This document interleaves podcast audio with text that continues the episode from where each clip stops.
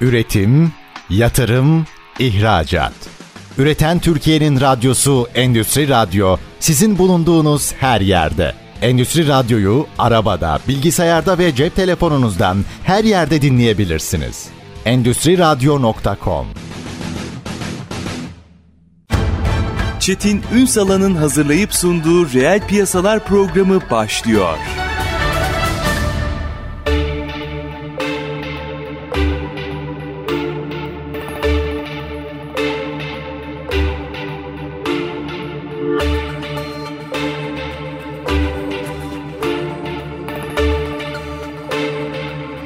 Reel piyasalardan merhabalar. Türkiye'nin gerçek gündeminde birlikteyiz efendim. Bugün konumuz otomotiv. Her boyutuyla konuşacağız. E, mevcuda fotoğraf çekeceğiz. Yarına ve düne ilişkinde aslında e, rekabet ölçüsünde meseleleri mercek altına alacağız.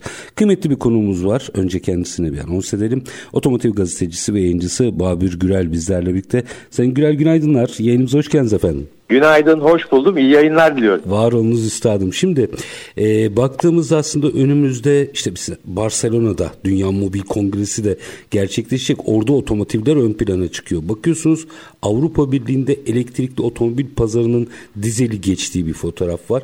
E, biraz e, detaylarına gireceğim. Ama ve lakin 2024'ün ilk ikinci ayı daha doğrusu neredeyse geride kalmak üzere. Baktığımızda Fotoğraf ne? Biraz değerlendirmeyle başlayalım mı? Tabii tabii memnuniyetle. Öncelikle herkese günaydın diyorum. Var. Otomotiv Distribütörü Derneği ve Mobilite Derneği var ya bizim bütün verileri açıklayan dernek. Otomobilde, otomotivde ne olmuş ne bitmiş her şeyi rakam rakam veren. 2024 Ocak ayında araç pazarının bir önceki senenin ocağına göre 56.6 oranında arttığını bildirdi. Yani Ocak ayında biz yine iyi otomobil sattık. Hı. iyi e, hafif ticari araç sattık. Toplamda 79.701 adet satıldı Ocak ayında. Şimdi bunu hemen şu şekilde bir altını çizelim. E, bu önemli bir gösterge 2024 senesi için gibi görülebilir. Fakat Ocak ayının bütün senelerin Ocak aylarının satışları yüksek geçer. Çünkü bir önceki seneye göre ertelenen talepler Ocak ayında da devam eder ve teslimatlar gerçekleşir. Bu mantıklı. Burada en güzel e, bu senenin en güzel oranı 64.041 ile hafif ticari araç pazarı. Hareketli değil mi? Evet. Yani bu bizim ticarette de bir ufak kıpırdanma olduğunu gösteriyor. Çünkü bir senenin önce bir seneki önce bir sene önceki rakamlara göre %15.1 artmış. 15.660 adet olmuş ki bu bize evet ticarette de bir hızlanma görülecek diye bir ipucu verebilir. Bu önemli bir vurguydu. Evet. E, ticari araç pazarı 10 yılın ortalamalarında da %131.2 artmış görünüyor. Yani 10 sene önceye göre 2024 senesinin Ocak ayında %131'lik bir artış var. Bu 10 sene önceki halimize göre bir artış rakamı evet iyiye gidiyor gibi görünüyor ama tabii nasıl onu e, detaylarını diğer ekonomistler bilir. Ben sadece sadece bunun ticari araçın artışındaki bizim ticaretimizdeki artışı gösterdiğini düşünüyorum. Bu son derece önemli. Ee, öbür taraftan da baktığımızda yine OSD verilerine baktığımda üretimde bir düşüş gözüküyor. Onu da biraz analiz etmekte fayda var mı? Üretimde şöyle bir düşüş e, aslında. Ocak itibariyle tabii. Bu Ocak ayı itibariyle üretimdeki düşüş şöyle izlenebilir diyeyim artık. Çünkü şu anda ocağı bitirdik. Doğal olarak bu bir sene öncesinin taleplerine verilen cevaplar Ocak ayındaki evet satışların yüksekliği öngörülerek fabrikalar biraz işleri yavaşlatmış olabilir ama emin olun biraz da tabii burada öngörüsüzlük var. Şöyle öngörüsüzlük var. Dolar fiyatlarını öngöremiyoruz. Dövizdeki artışın ne kadar olacağını öngöremiyoruz. Faizleri öngöremiyoruz ve satışların Ocak sonrasında ne olacağını öngöremiyoruz. Evet sıkıntılı bir süreç ama e, bu düşüşün ben e, geçici olduğuna inanmak istiyorum. Peki üstadım e, yine detaylandıracağım yani segmentlere de bakmak isterim ama e, otomobil tedarik pazarı açısından baktığınızda siz çok yakın zamanda e, Kars'tan geldiniz değil mi? Yine bir Hı hı, lastik evet. üreticisiyle veya lastik firmasıyla ilgili. Evet. Oradan da nabız tutmuşsunuzdur. Özellikle diğer segmentlerde durum nasıl? Diğer segmentlerde de evet bir takım artışlar var ama emin olun her yerde bir endişe var. Ee, her yerde derken e, evet Kars'taki e, bir lastik firmasının lansmanında da bir takım rakamlar konuşuldu. E, diğer otomotiv yayıncısı arkadaşlarımla da konuştuğumda da ve tabii doğal olarak e, lastik firması lastik ve otomobil zaten birbirinden ayrılmaz bir ikili. Herkeste bir endişe var. Şöyle ki bu endişe otomobilimi nasıl kullanacağım? Hmm. İşletme maliyetleri artık çok yüksek. Çok çok yüksek. Bir arkadaşım e, geçenlerde yazmış. Ben de onun yazdığından etkilenerek size söylüyorum. Bir orta sınıf bir otomobilin bakın orta sınıf bir otomobilin yıllık işletme maliyeti diyeyim size artık. Yani do- doğru kelime işletme maliyeti. Buna bakım vesaire falan hepsi hepsi dahil bir işletme maliyetinden Her şey içinde ve ve e, ayda iki defada depoyu doldurduğunuzu düşünerek konuşalım. Aylık işletme maliyeti bütün vergileri vergileri her şeyi paylaştırdığınızda ayda 9 bin liralara geliyor. Ve bu çok büyük bir rakam. Bu otomobil satışlarını da etkileyebilecek bir rakam. Her şeyi etkileyecek. Her şeyi etkileyecek. Yani diyorum ya insanların bir takım şeylere e, artık güvenleri kalmadığı için bir de tabii en kötüsü birçok şeyi biz artık yadırgadık. Bakın akaryakıta zam geliyor. Ve devamlı zam geliyor. Önceden e, birçok piyasalarda birçok firmalar, birçok otomobille iş gören firmalar yandık Allah diye ortaya çıkarlardı. Aynı şey televizyondaki röportajlarda görüyoruz. Araç kullanıcısına üretildiğinde şey e, mikrofon uzatıldığında e, ne yapacağız ne edeceğiz düşünceleri hakim. Şimdi hiç kimse bunu düşünmüyor. Şimdi ortalıkta bir sıkıntı var mı? Var. E, ve artık ben şunu da çok merak ediyorum. Ben hep 50 liralık yakıt alıyorum diyenler şimdi ne alıyor onu da bilmiyorum ama artık bunu da yadırgadık ki hani şu meşhur hikaye vardır ya kurbağayı suya atmışlar hafif Evet, hafif evet. Biraz ısıtarak. 80'lerin sonu 90'ların başı gibi e, kanıksamaya dönmüş vaziyette. Evet, evet maalesef öyle oldu ve itiraz edecek bir şeyimiz de yok. Peki bu bütün ama günün sonunda aslında endüstri bütün bunları e, göz önüne alıyor. Yani onların raporlamalarında bakıyoruz. Bunlar çıkıyor. İşte ihracatla ilgili bakın resesyon var deniliyor çıkıyor. E, tek benim hoşuma giden Ocak ayı itibariyle rakamlara baktığımda evet adet bazında mesela yüzde beşlik bir satış düşüşümüz var ama ihracattan bahsediyorum. Değer bazında yüzde iki artışımız var. Bu nispeten görece e, bir e, olumlu tablo ama ve lakin sanıyorum bütün bu dönüşümü de birlikte yaşıyoruz. E, tabii ki birlikte hepsini birlikte olacak. Çünkü dünya pazarlarında e, biz maalesef otomobil üretiminde diğer ülkelerden ucuz işçi maliyeti ve ucuz maliyetle kaldık. Şöyle düşünün e, bir fabrikanın global bir fabrikanın buradaki ödemelerini global marka dolar olarak veriyor. Ve bizde dolar artışı yüksek ama öbür taraftan gelen dolarda dolarla burada daha çok para, daha çok Türk lirası dönüyor. Doğru. E, ve bu daha çok Türk lirasında maalesef daha çok vergiyle iç pazara yönelik üretimde yapılıyor, dış pazara yönelik üretimde yapılıyor. Dış pazara yapılan üretim doğal olarak çok daha ucuz kalıyor.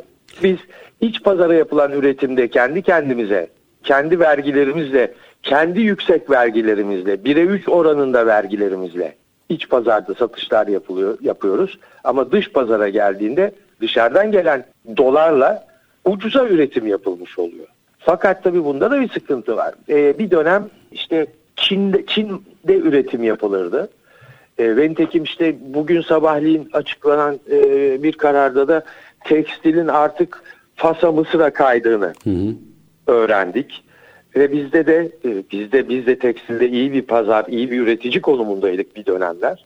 Ama şimdi tekstilde böyle bir kayma var ve otomotivde tamam bizim köklü üretim üretici fabrikalarımız, üretici markalarımız var. Bunlar bu maliyetlerle bu Türkiye'deki sistemle, e, bu Türkiye'deki vergilendirme sistemiyle nereye kadar ne yapacaklar emin olun merak konusu. Şey sanıyorum burada Türk lirası girdi maliyetlerinin çok yükselmesi sıkıntı yaratıyor. Kesinlikle kesinlikle öyle bir sıkıntımız var.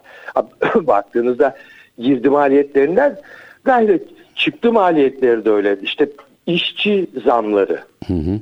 Tabii ki işçi zamları çok önemli. Ee, evet ucuza işçi çalışmaması gerekiyor. Kesinlikle katılıyorum. Ama gelin görün ki işçinin eline geçen parayla aldığı, yaptığı harcama gün be gün azalıyor. Yani şöyle Aldığı bir hikaye, karşılığında. bir hesap vardır orada. Ee, aslında o eline geçen parayla yapar yapmaz herkesin bireysel tercihidir de e, rahatlıkla bir ev ya da otomobil alabilir mi hesabı e, aslında şaşmış vaziyette. E tabi şaşmış vaziyette çünkü düşünseniz artık Bu da aile bazında tabii. aile bazında konuşalım. Eskiden ailesine 50 bin liraya 50 bin lira para giren bir aile orta segment bir yerli otomobil alabilirdi. Hı hı. E şimdi baktığınızda herhalde 100 bin lira ve 100 bin liranın üstünde bir para girmesi gerekir ki taksit ödeyebilsin. Taksit ödeyebilsin ve otomobil sahibi olabilsin. Yani bu bana göre biraz bilinçli fakirlik gibi geliyor. Fakirleştirme gibi geliyor. Ama ya tabii sistem, yöneticiler ne düşünür, ne düşünüyorlar hiç bilemiyorum. Ama ve lakin günün sonuna baktığınız zaman bizim elimize geçen para küçük bir para. Bu parayla ne yapacağız? Zaten e, biriktirme diye bir sistemimiz bitti. Otomatikman aslında yine tabi bu genel makro bunu ayrıca tartışırız ama otomatikman mesela bu otomotiv üreticilerinin de e, hacimleri ve üretim planlamalarını etkiliyor anladığım kadarıyla. E, tabii ki etkileyecek çünkü emin olun bir üretim sistemindeki aşamaların bütün finalinde malı satmak var. Elbette öyle. Bu malı nasıl satacağız çok önemli. Ve kime satacağız çok önemli. Sizin daraltılmış bir iç pazarınız tabii ki sizi etkileyecektir. Çok doğal. Şimdi üstadım, şimdi minik bir araya gideceğim, reklam arasına gideceğim. Aranın ardından belki bu noktada biraz ikinci el piyasasına da bakmak gerekiyor otomotiv sektörü açısından. E, dönüşüme geleceğim. Dönüşüm çok tartışılıyor ve dünyada anormal bir rekabet olmaya başladı. E, orayı ayrıca açmak istiyorum ama ilk önce hazır madem buraya kadar girdik e, buradan ikinci el piyasasındaki son fotoğrafı da almak isterim. Ama minik bir araya gidelim. Aranın ardından konuşalım. Memnuniyetle. Efendim Memnuniyetle. konuğumuz otomotiv gazetecisi ve yayıncısı Babir Gürel. Otomotiv sektörünü tüm yönleriyle üretiminden ihracatına iç piyasasından ikinci eline kadar e, mercek altına alıyoruz. Elbette dönüşümü konuşacağız. Orası zaten başlı başına bir e, vaka. Minik bir ara aranın ardından ardından reel piyasalarda birlikteliğimiz devam edecek. Lütfen bizden ayrılmayın. Üretim, yatırım, ihracat.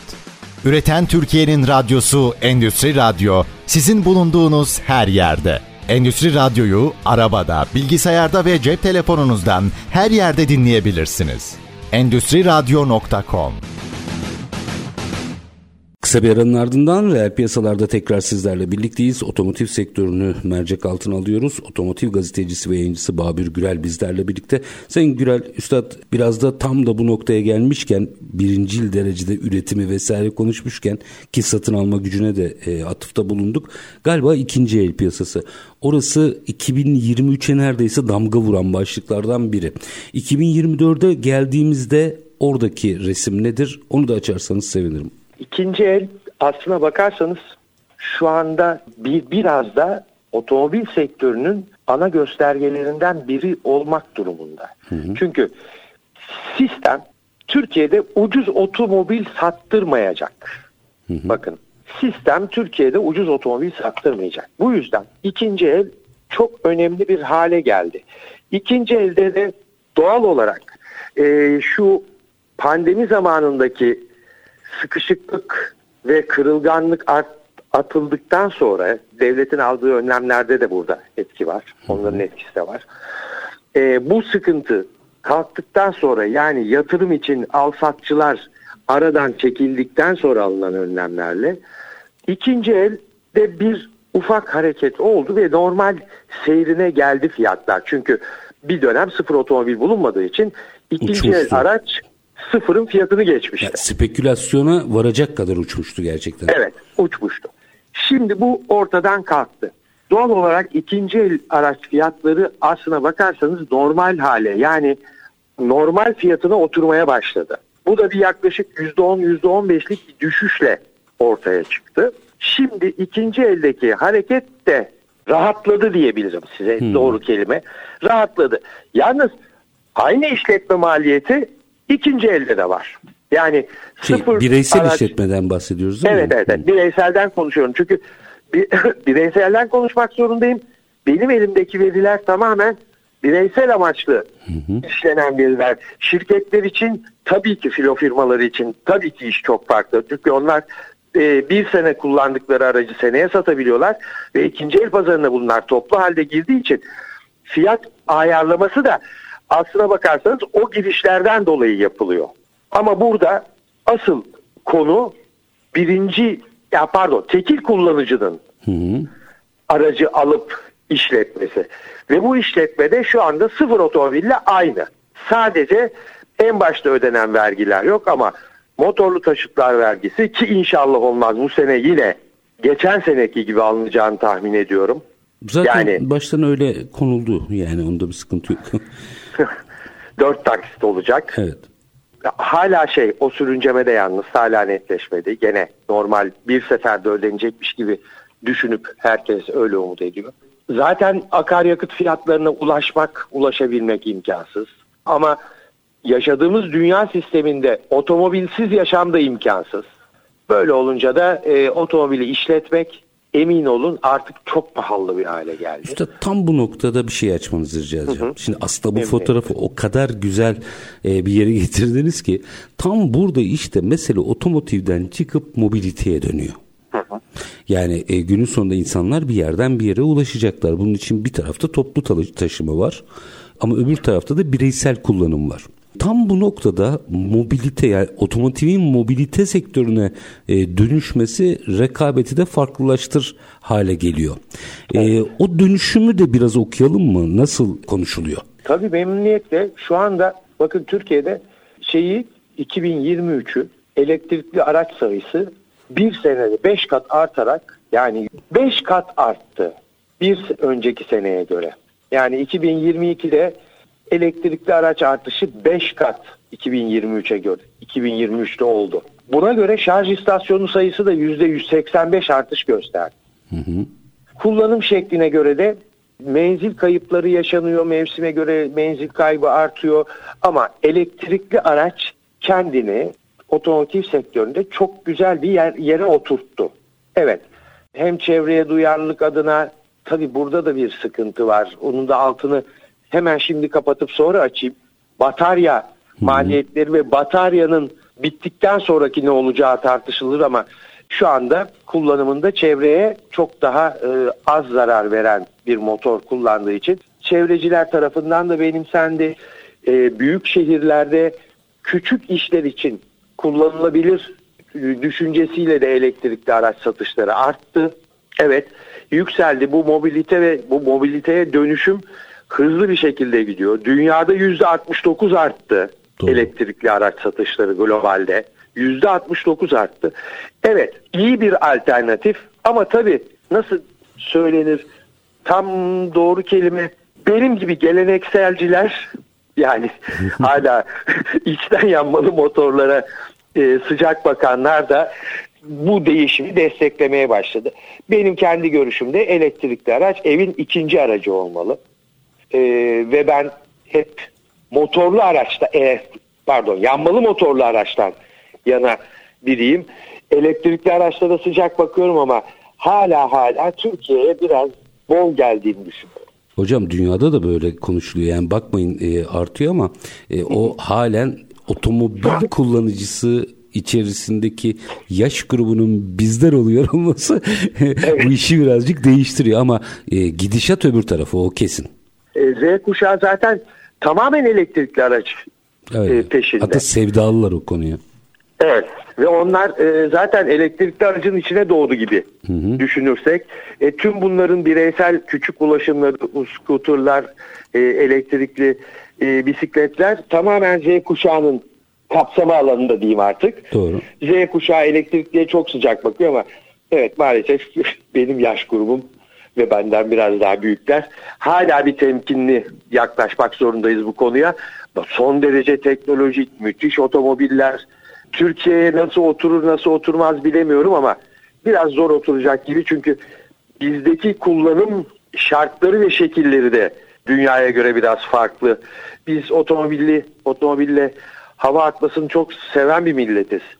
Elektriklilerle bu hava atma oyunları çok daha tehlikeli olacak çünkü elektrikliler diğer yakıtlı araçlara göre çok çok çok seri ve hızlı otomobiller.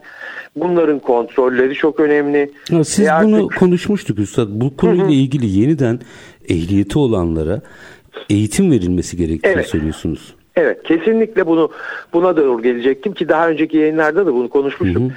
Burada bir e, ehliyet farklılaştırması ya da ehliyet bilgi yenilemesi gerekebilir diye düşünüyorum. E, bana göre birçok elektrikli araç getiren otomobil firmasının bunu üstlenmesi gerekiyor. Çünkü bu eğitimi vermediği insana e, elektrikli araç satmamalı. Allah korusun can kayıp, e, kayıpları artabilir. E zaten otomobil, elektrikli otomobil konusunda çok az şey biliyoruz. E işte geçen yayında sizinle elektriklilerdeki menzil kaybını konuşmuştuk. Doğru doğru. Şimdi elektrikli aracı ilk alanlar acaba bu menzil kaybını biliyor muydu? Bence bilmiyordu. Çünkü böyle bir gündem olmamıştı. Elektrikli araçlardaki hava soğuyunca menzil kaybı. Ve yani bunlar işte elektrikli araç satan firmalar tarafından bu bilgilendirilmenin yapılması gerekiyor. Arkasından bu araçların nasıl kullanılması gerektiği anlatılmalı. Çünkü ayağınızı gazdan çekmediğiniz sürece elektrikli araç olabildiğince gidiyor hızıyla. Ve bu emin olun çok büyük tehlikeler yaratıyor. Evet biraz bir bilinçlenme var, biraz bir korkma var. Hepsi içinde. E geçtim onun öbür tarafına elektrikli araç bozulduğunda nasıl yapılacak? Bunun da bir eksikliği söz konusu. Yani elektrikli araç evet iyi bir dönüşüm ve iyi bir iyi satış rakamlarına ulaşıyor ama bunun altındaki Başka sapmalar ama o süreç evet. içerisinde hocam ya bütün kullanım bilinci de öyle gelişecek. Ee, aslında yavaş yavaş. Yani evet, muhtemelen gelişecek. şimdi herkes yolda kaldığı için otomotiv firmaları da buna ders çalışıyorlar şimdi muhtemelen. Büyük ihtimalle. Onun üzerine. Ee, bu arada demin dediğiniz rakamı buldum ben. Türkiye otomobil pazarında elektrikli otomobil satışları 2023 yılını e, yükselişle tamamlıyor satışları bir önceki yıla göre yüzde 844'lük artış yaşanıyor. Evet. Elektrikli otomobillerde 2023 evet. yılında 72.179 adet satış gerçekleşiyor. 2024 yılının ocağında da 3973 adet elektrikli otomobil satıldı. E, bu burada yok bu haberde ama daha önce de e, neredeyse bunun yarısına yakını bizim e, otomobil olduğu gözleniyor. Aha, en azından aha. o eğilim burada tetiklemiş vaziyette. Evet. O dip e, haberi de eksik bırakmayalım diye evet, hemen onu da paylaşalım istedim. Çok iyi oldu. Çok iyi oldu. Üstad peki bu şeyi de e, yine açacağım yerler var ama diğer mobilite araçları dedi. Demin siz de söylediniz ya scooter vesaire. Hatta şimdi Hı-hı. küçük çaplı e, araçlar görmeye başladım e, yollarda. Onların payı nasıl şekillenecek? Sanki bu taraf elektrikliği konuştukça o taraftaki pazar payı daha fazla artacak gibi bir his uyanıyor. Bildiğimiz klasik anlamda evet otomobillerin içinde elektrikler artıyor ama sanki mobilite araçlarda daha fazla bir sıçrama olacak gibi gözüküyor. Ama ben dışarıdan bakıyorum. Siz sektörün içindesiniz. Ne olur siz yorumlayın. Evet, tabii ki. Baktığınızda e, aslında elektrikli araçlar şu anda Türkiye'de daha şehir içinde ağırlıklı kullanılıyor. Hı hı. Şehir içinde evet global markaların müthiş otomobilleri var. Fakat bir de maliyetten kaçan, daha az enerji harcayan, küçük elektrikli otomobiller var ki bunlar şu anda Çin markalarıyla Türkiye'ye çokça girdiler. Ve yaklaşık 7-8 tane marka var şu anda Türkiye'de. Küçük otomobil getiren. Bunlar aslına bakarsanız hem 10 bin 20 bin bandında otomobiller iki kişilik, tek kişilik, küçük işletmelerde ve evlerde hakiki işte ikinci arabası olabilecek kapasitede otomobiller. Bunlardan uzun yol beklemeyeceksiniz. Doğal olarak bunlar köprü geçemeyecek yani otobana otoyola çıkamayacak. Şehir içinde bu büyük sıkıntı yaratan trafiği bir derece daha rahatlatabilecek araçlar diyeyim artık size. Bunlar evet evin ikinci otomobili, atıyorum alışveriş otomobili, yakın mesafede git gel çabuk şarj olan ve ucuz otomobiller. Bunlara herkes sıcak bakıyor. Özellikle demin bahsettiğiniz Z kuşağı bunun kendileri için yaratıldığını düşünüyorlar. Çünkü onlar onlar bir aracı sahiplenmek de istemiyorlar. Evet evet onlar farklı modeller konuşacak ona birazdan geleceğim zaten. Eskiden hatırlarsanız bisikletlerimizi biz değiştirebilirdik arkadaşlarımız. Hı hı. Şimdi o küçük otomobiller ona doğru gidiyor. Çünkü e, bunlar A noktasından B noktasına gidip o kullandığı kiraladığı aracı bırakıyor ve gidiyor. Aynı scooter mantığı. Tekrar B noktasından A noktasına gitme ihtiyacı doğduğunda da gidip tekrar B noktasından bir başka aracı kiralıyor ya da C noktasında tekrar gitmek istediği yere gidip araba, o kiraladığı aracı bırakıyor ve çekiyor gidiyor. Aslına baktığınızda ne sigorta ödüyor, ne yakıt parası ödüyor, e, ne de şey ödüyor. Aracın bakım masraflarını masrafın tabii. hiçbir şeyine karışmıyor. O sadece evet o kiraladığı rakamın içinde bunların hepsi hesaplanmıştır Elbette zaten ama öyle. bu neticede A noktasından B noktasına kesin bir şekilde gidiyor. Ve hiçbir mülkiyet hissi duymadan aracı bırakıp tekrar işine gidiyor lazım olana kadar. Evet bu o küçük otomobiller, o küçük Çinli markalar e, bu işi bu işi yani bunun için ürettiğinden bence çok da mantıklı geliyor. Bana da mantıklı geliyor. Ki bunu yapan o ünlü markayı ben ilk Paris'te kullanmıştım ve emin olun çok beğendim. Hı hı. Çünkü yürüyerek gidebileceğiniz bir mesafe de var ama gezmek için ideal bir sistemdi o. Nedir o kredi kartınızla ödemesini yapıyorsunuz, kapı açılıyor. Gidiyorsunuz dilediğiniz yerde yine kredi kartınızı gösterip ödemenizi yapıyorsunuz, arabadan çıkıyorsunuz. Çok güzel ve çok başarılı bir sistem. Yani parkımı e, işte park ücretidir, bakımıdır, şunu bunu bunların hiçbirini uğraşmıyoruz aslında. Hiçbirini hiçbirini uğraşmıyorsunuz. Tüketici açısından çok cazip. Kesinlikle. Ama bu aynı zamanda endüstri açısından da yeni bir rekabet alanı sanıyorum. E, kesinlikle rekabet alanı çünkü düşünsenize e, kiralık otomobil firmaları da elektrikli araç kiralamaya başladılar. Ha. Çünkü onlar da doğal olarak diyorum ya müthiş bir pazar. Müthiş bir pazar ve gençler e, lütfen şöyle düşünün bu araştırma yapıldı mı yapılmadı mı bilmiyorum da İstanbul'daki üniversitelerin kampüslerinin çevresinde hem iki tekerleklisi hem dört tekerleklisi inanılmaz derecede çok var. Hocam hiç Çünkü, araştırmaya gerek yok. Hepsi verilerde vardır. Evet vardır muhakkak. Çünkü çocuklar o araçla okula geliyor. Evleri uzaktaysa o araçla eve gidiyor. Şimdi o zaman e, şimdi minik bir araya gideceğim yine. E, buradaki bütün rekabeti dünya ölçeğinde biraz konuşmakta fayda var. Yani işin içinde elektrikli var, mobilite var, e, işler değişiyor ve çok anormal bir rekabet olmaya başladı. Bir tarafta işte bataryalar üzerinden, bir tarafta çipler üzerinden biraz dünya ölçeğinde de rekabeti okumak isterim. Ama minik bir araya gidelim. Aranın ardından bunu konuşalım. E, efendim otomotiv gazetecisi ve yayıncısı Babür Gürel bizlerle birlikte aslında bütün dönüşümün sektörün nasıl okuduğu e, bir fotoğrafla karşı karşıya bıraktığını e, mercek altına alıyoruz bizi. Minik bir ara. Aranın ardından reel piyasalar devam edecek. Lütfen bizden ayrılmayın. Üretim, yatırım, ihracat. Üreten Türkiye'nin radyosu Endüstri Radyo sizin bulunduğunuz her yerde. Endüstri Radyo'yu arabada, bilgisayarda ve cep telefonunuzdan her yerde dinleyebilirsiniz. Endüstri Radyo.com Kısa bir aranın ardından reel piyasalarda tekrar sizlerle birlikteyiz. Otomotiv mobilite konuşuyoruz efendim. Konuğumuz kim? Otomotiv gazetecisi ve yayıncısı Babir Gürel.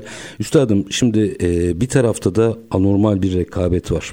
Şimdi o rekabeti dönüşümü birazcık açmak isteyeceğim ama öncesinde bir Avrupa Birliği'ne bakalım istiyorum.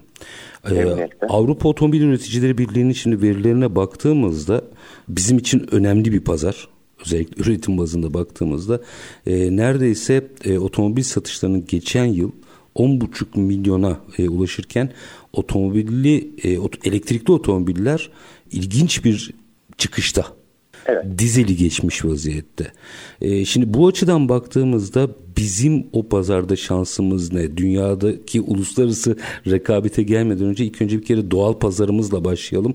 Orada ne durumdayız? E, bütün bu dönüşümü doğru okurken.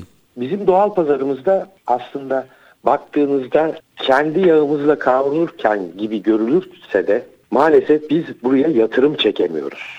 Hı hı. Yatırım çekemememizin çekemememizin bir takım sebepleri var. Bunları hepimiz e, biliyoruz. Hepimiz biliyoruz artık. Yani bunu hı hı. tekrar konuşmaya gerek yok ama biz yatırımı çekemediğimiz için bu pazarın dışında kalacağız diye düşünüyorum. Çünkü Türkiye'ye gelen global elektrik üret, elektrikli araç üreten firmalar yatırımlarını Macaristan'a çekti, Polonya'ya çekti. Yani orada daha rahat edeceklerine inandıkları için gittiler. Bizdeki bu rahatsızlık maalesef buraya da yansıdığı için biz buraya gelemiyorlar.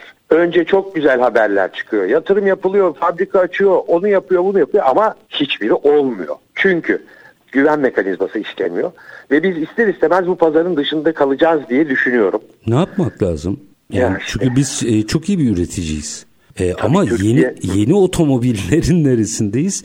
E, evet şimdi bir belli bir noktaya geldik. Biz de o pazarda olmak istiyoruz. O teknolojileri takip ediyoruz ama e, o dengelerin bir yerine oturmamız lazım sanki. E, bakın Çetin Bey ben size e, öncesinde de söylediğim gibi Türkiye'de bir öngörüsüzlük var. Çünkü hiç bu sistem tamamen öngörüyü yok ediyor. Ee, biz sanki günlük ve anlık yaşıyoruz. Bizde bunu otomobil firması baktığınızda çok büyük akılların çalıştığı çok büyük e, belirsizlik istemez. Yani belirsizlik otomotiv istemeyen bir sistem onların istemez. sistemi. Doğru, doğru. Onların sistemi belirsizlik istemiyor.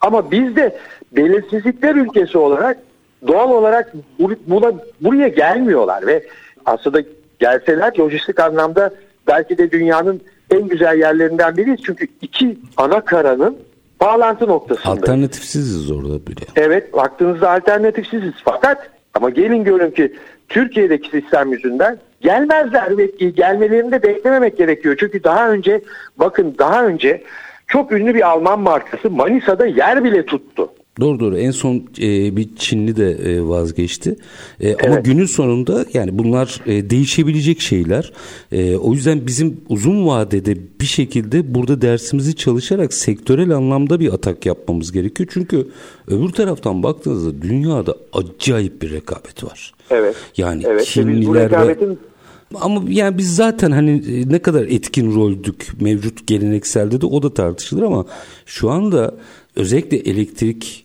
ve mobilite üzerinden anormal bir Çin ve ABD rekabetine e, şahit oluyoruz.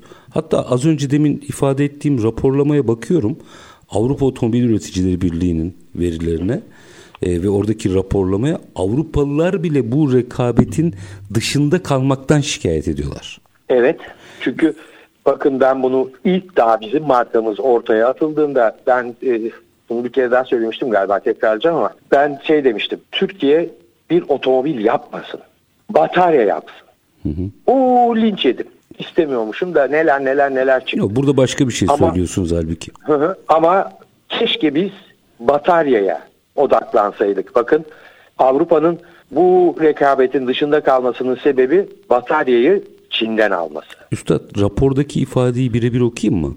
Tabii memnuniyetle. Diyor ki Çin'in elektrikli araç tedarik zincirindeki hakimiyeti, Amerika Birleşik Devletleri hükümetinin yerli otomobil üreticilerine yönelik teşvikleri, Avrupa Birliği'nin Avrupa elektrikli araç üretimini destekleme çabalarını gölgede bırakıyor.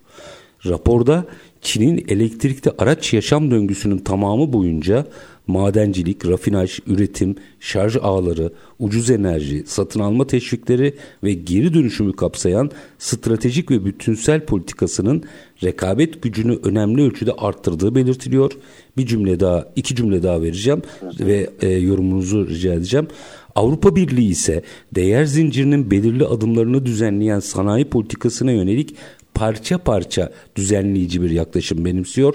Rapor ABD'de elektrikli otomobil değer zinciri için bir üretim merkezi kurma yönündeki artan ivmeye de işaret ediyor. Avrupalı üreticilerden bahsediyorum. Yani bırakın bizi e, veya işte Macaristan'ı onlar Avrupa Amerika Birleşik Devletleri'nde mi acaba e, bir üretim merkezi kurmalıyız tartışmasını yapmaya başladılar. E, bu çok acayip bir yere gitti.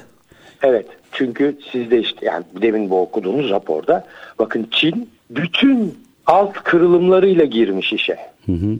Yani ölü bataryanın yok edilmesine kadar Çin düşünmüş gitmiş. Neticede hepsinin altında bakın otomobil yapmak çok kolay. Otomobil çizersiniz ve üretirsiniz. Şey hazır fabrika için konuşuyorum. Hı hı. Ama burada önemli olan şey o bataryanın tasarımı, dizaynı, otomobile yerleştirilmesi, bataryanın ömrü, bataryanın bakımı, bataryanın şarjı ve bataryanın ömrü bittiğinde ne olacağı. Çünkü birçok insan elektrikli otomobili karbon ayak izini azaltmak üzere Tabii. alıyor.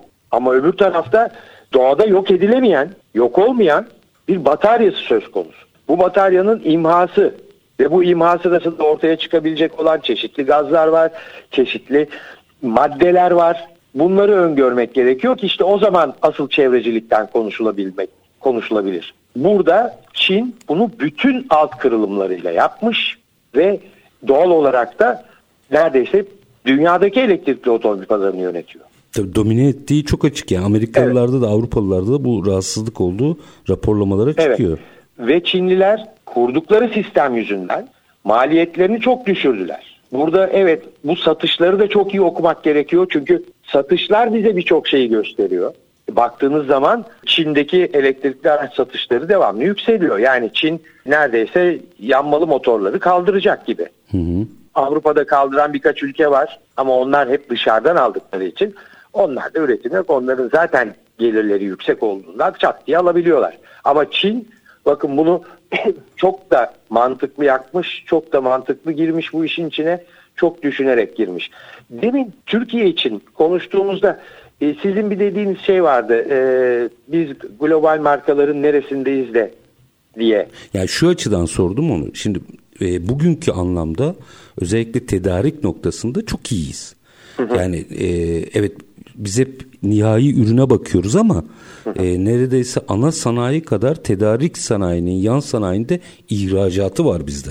Evet. Çok ciddi evet. bir OEM, orijinal ekipman üreticisiyiz biz. Evet. Şimdi evet, doğru. o dönüşümü doğru yakalamamız gerekir ki e, en azından orijinal ekipman sayı azalsa da parça sayısı yine biz üretici olalım. Bütün bunları ne kadar tartışıyoruz sektörde onu merak etmiştim. Bunlar sektörde pek tartışılmıyor. Şöyle ki e, iki tane kuruluşumuz var e, bu işle ilgilenen. Bu kuruluşlar sene sonlarında ihracat rakamlarını açıklıyor. Sahiden büyük rakamlar, rekorlar kırılıyor ama haber olmuyor. Hı hı. Çünkü bizde herkes ana markanın, global markanın peşinde. Bizim ihracatımız çok da iyi o konuda, yedek parçada, orijinal ekipmanda. Müthiş işçilikler çıkartıyoruz. Bizden alan global markalar var. Aynı şey hemen hemen lastik için de geçerli. Fakat bizdeki bütün üst akıl Global ana sanayiye markanın, bakıyoruz tabii. Evet, ana sanayiye bakıyoruz. Halbuki bizim ana yan, onlar artık yan sanayi denmesini istemiyor kendileri. Ee, ama hepimizin evet. bildiği anlamda yan sanayi, hı hı. tedarik sektörü burada çok güçlü. Evet, kesinlikle çok güçlü. Bunları bizim bunlara önem göstermemiz gerekiyor. Diğer taraftan Türkiye'de bulunan 7 tane otomobil firması sahiden Avrupa'yı besler konuma geldi. Hı hı. Hatta bir tanesi bir markamız yine global markalardan bir tanesi Bulgaristan'da galiba yanlış hatırlamıyorsam Bulgaristan'da bir fabrika satın aldı. Ve şu anda Avrupa'yı o fabrika besliyor o markada. Tamam Türkiye'ye de geliyor da ama o global marka da Türk yatırımcısı gitti Avrupa'da fabrika aldı bakın. Türkiye'de bu iş çok da güzel yapılırdı. Hı hı. Elektrikli de gelirdi. Diğer global markalarda Türkiye'ye gelirdi ki daha bu elektrikli konusu bu kadar ayyuka çıkmamışken bir Alman markası gitti Manisa'da yerini belirledi. E, fabrika alanını çizdi. Yani o biraz kendi içinde biraz tartışmalı bir konuydu. O dizel mizel falan ama e, genel anlamda işte bunların hepsi dili geçmiş ama yarına ilişkin ne yapmamız lazım ona bakmak. Çünkü hala tren kaçmadı. Ben de kaçmadığını umuyorum. Alınacak bir takım kararlarla bunlardan hemen dönülebilir. Siz de demiştiniz ya. Dönülebilir. Fakat işte bu öngörüyü yapıp da ortaya çıkartacak yönetici gerekiyor. Hı hı. Yönetim sistemi gerekiyor. Yine dönüp dolaşıp Türkiye'deki vergilere, maliyetlere baktığınızda bizim en büyük kurtarı tarafımız kaliteli işçiliğimiz. Hı hı. Ve yedek parçadaki orijinal ekipman üretimindeki becerilerimiz. Ama gene söylüyorum Türkiye'ye fabrika açılması şart. Bu, bunun Burada, için de e, gerekli ortamın sağlanması, daha sonra öngörülebilirliğin evet. sağlanması e, gerektiğini kesinlikle, düşünüyorsun. Kesinlikle. Peki üstadım 3-4 dakikam var. İşin bu boyutunu konuşmazsam içim eksik kalır.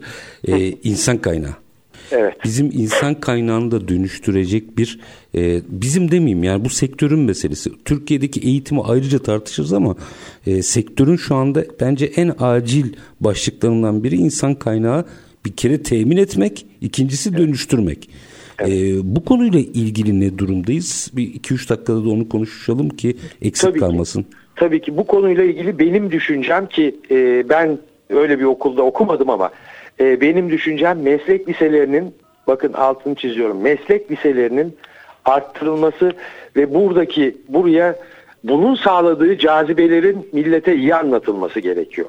Herkes üniversite mezunu olmak zorunda değil, herkes mühendis olmak zorunda değil. Bir otomobil firması şu anda çalışacak eleman bulamaz ise istediği kadar mühendisi, istediği kadar tasarımcısı olsun hı hı.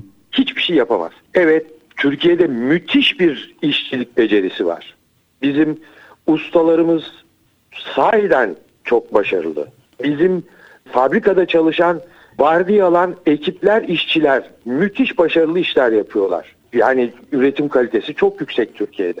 İşte bizim bunu da kaybetmememiz için tamamen tamamen ara eleman, orta eleman yetiştiren, daha doğrusu meslek lisesinden çıkmış, ah, keşke olsa otomotiv meslek liseleri, otomobil meslek liseleri olsa da biz sahiden işte o zaman asıl rekabete açık bir hale geliriz. Hocam orada bir şey açmanızı rica edeceğim. bir dakika var ama bunu da e, açın da olur. E, benim düşüncem, benim düşüncem tamamen meslek liselerinden meslek bilgisi almış ve bunu sahiden çıktığında otomobil firması tarafından işi garanti edilmiş Çocuklar. öğrencilerden bekliyorum. Bir tık açacağım bir dakika. Hı hı. Bir dakika var yani daha doğrusu ama hı hı. bunu konuşmamız lazım. Geleneksel bir meslek lisesi eğitimi de yetmiyor. İşte Tabii elektrikli ki. araçlarla bütün ezber bozuluyor. Hepsi, hepsi, hepsi içinde. Hepsi içinde olmalı. Çünkü bakın yanmalı motoru tamir eden usta elektrikliden anlamıyor. Hı hı. Ve elektrikli araç bozulduğunda biz bunu elektrikçiye mi götüreceğiz? Otosanayiye mi götüreceğiz?